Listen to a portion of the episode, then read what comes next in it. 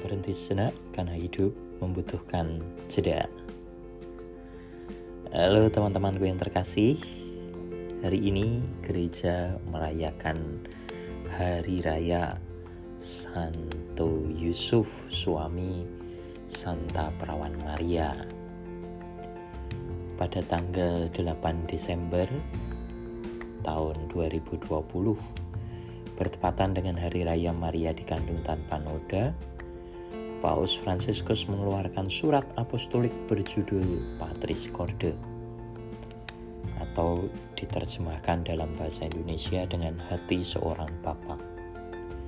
Surat apostolik ini sekaligus menandai mulainya tahun Santo Yusuf yang berlangsung dari 8 Desember 2020 sampai 8 Desember 2021.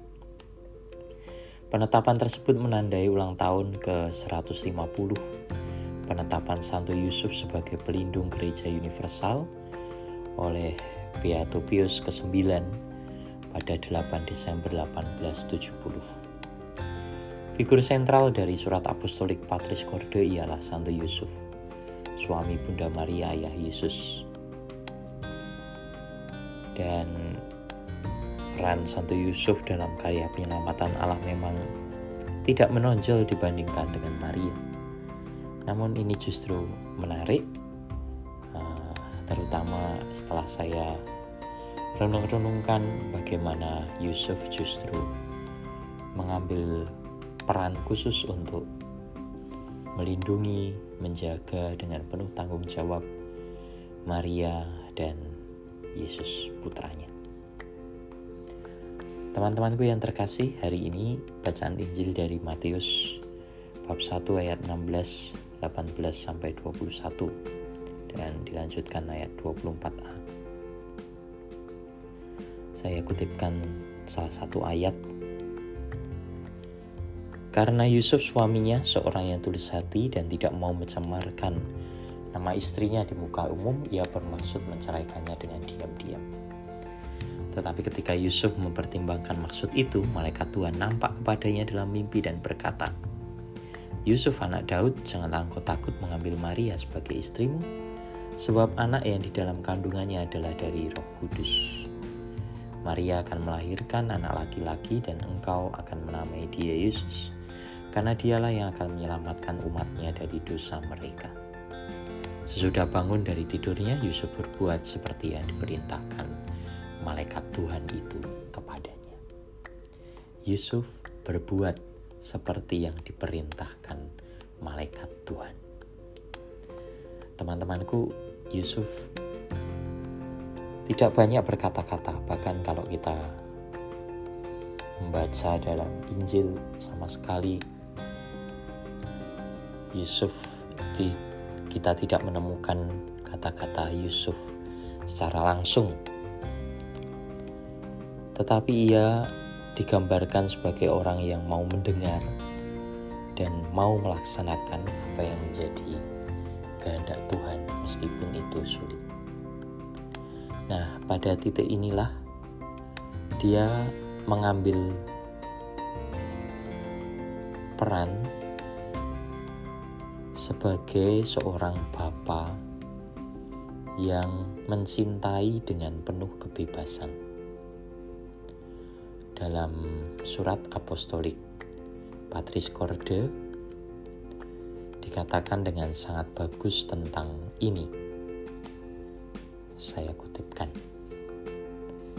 Cinta yang ingin memiliki pada akhirnya selalu menjadi berbahaya, memenjara, mencekik, membuat kita tidak bahagia. Allah sendiri mengasihi manusia dengan kasih murni, dengan membiarkannya bebas, bahkan sampai berbuat kesalahan dan menentangnya. Logika kasih adalah selalu logika kebebasan. Yusuf mengetahui bagaimana mengasihi dengan kebebasan luar biasa. Ia tidak pernah menempatkan dirinya sebagai pusat. Ia tahu bagaimana membuat dirinya bukan sebagai pusat, ia menempatkan Maria dan Yesus sebagai pusat kehidupannya. Nah, teman-temanku yang terkasih, itulah Yusuf. Dia mengambil tempat secara khusus bukan menjadi pusat. Ini bagi manusia-manusia zaman ini tentu menjadi kontradiktif ya. Karena orang-orang sekarang mungkin termasuk saya berlomba ingin menjadi pusat. Entah itu pusat perhatian, entah itu pusat popularitas, pusat kebenaran. Yesus menempatkan dirinya bukan sebagai pusat, namun sebagai Bapak yang mencintai dengan penuh kebebasan. Bukan untuk mengikat dan memanfaatkan, tapi melindungi dan memberi kesempatan mereka yang dicintai untuk bertumbuh dan berbuah. Teman-temanku yang terkasih, semoga pada hari raya Santo Yusuf ini kita diingatkan tentang cinta yang memakai logika kebebasan ini yang sungguh-sungguh melindungi, memberi kesempatan mereka yang dicintai untuk bertumbuh dan berbuah. Ini tentu menjadi perjuangan saya sekurang-kurangnya.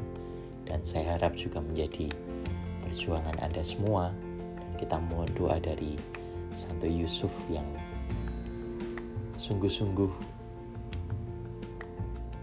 hadir dengan inspirasinya menjadi bapak yang mencintai dengan penuh kebebasan yang tahu menempatkan dirinya yang membuat Maria dan Yesus Maria dan Yesus sebagai pusat kehidupannya berkembang dan berbuah bagi banyak orang dan Santo Yusuf menempatkan dirinya tidak sebagai pusat